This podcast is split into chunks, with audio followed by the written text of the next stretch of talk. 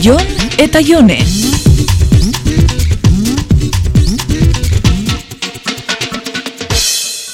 Jepa, Jone, Aupa, Jon. e, besterik gabe komentatzeko iragarkia amaitzeko, e, zera, urazpiko irudia besterik ez dira falta, eh? beste guztia prez daukagu. Hmm? Eta nun baitzen ikusi leike? Ba, sarean zintzilikatzen ari naiz, eh? nik uste ordu erdi barru edo ikusgai izango da. Eta urazpiko grabaketia noiz eitzeko asmoa dakazue? E, ba, eske itxaz zakarra dabil eta baretu arte nik uste dezingo deula zer egin, eh? baina oberekin bezain pronto tita ingo. dut. Horrek, enbidiz emoten desta.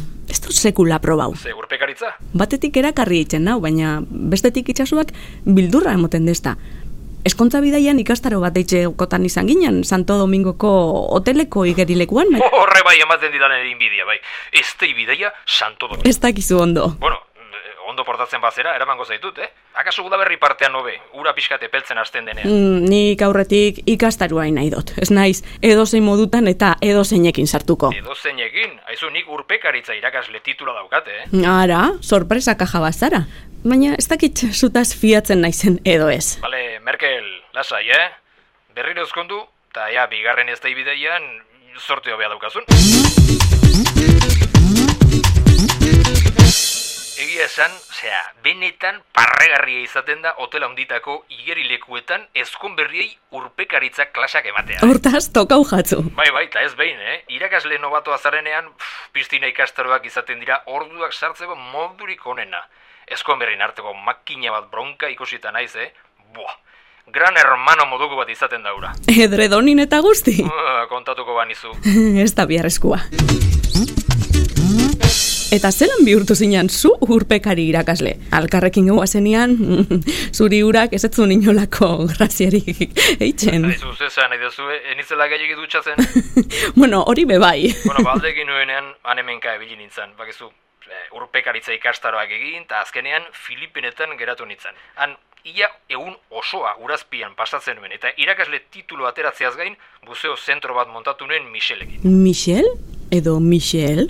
Zein da diferentzia? Gizonezkoa edo emakumea. Jode, ba, irurogei urteko gizona, nere urpekaritza irakaslea zan Michel, edo Michel, frantses bat, jatorra, haren sozioekin, eta buzeo zentroaz gain, Filipinetako gobernuarentzat lanean aritu ginen. Kostaldeko urazpiko mapak egiten genituen. Mm, amesetako bizitzia diruri. Bai, horrela kontatuta bai, baina alde txarrak ere bazituen paradisuan bizitzeak, eh? Dena ez da DiCaprioren pelikula hartan bezala izaten. Ze pelikula?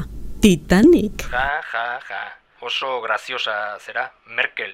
Kontatuko dizkizut paradisuan dauden infernuak noizbait. Nahi dozun bezala, DiCaprio. Aizu jone, zure telefonoa aldau. Norena izango da ba. Zutake, banik, igual lanekoa. Eta lanekoa balitz, zer? Ba besterik ez, jakin egin nahi nun. Ea lanekoa zen edo zure telefono personala. Telefono bakarra dakat, hause. Zetako jakin nahi dozu. Zer ez? Hemendik aurrera zu akosatzen hasten naizenean, jakiteko zuri, edo zure idazkari sosa horri gari joten naizen deika. Nahiko leuke zurinek, bateron batek matrakia emotia bai. E, ba, haren telefono ere eskura badaukazu, Bueno, Jon, ezke egin behar dut. Bidali dazun mesedez WhatsApp bat bideoa sarera igotzen danean. bale, zaindu, eh? Berdin. Bideoa igota. Esango didazu zer iruditzen zaizun. Oka, mila esker.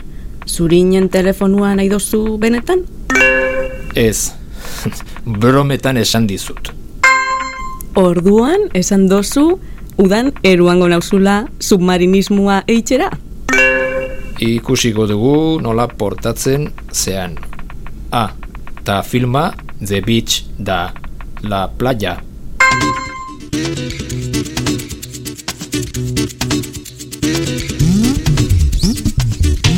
Jon eta Jone.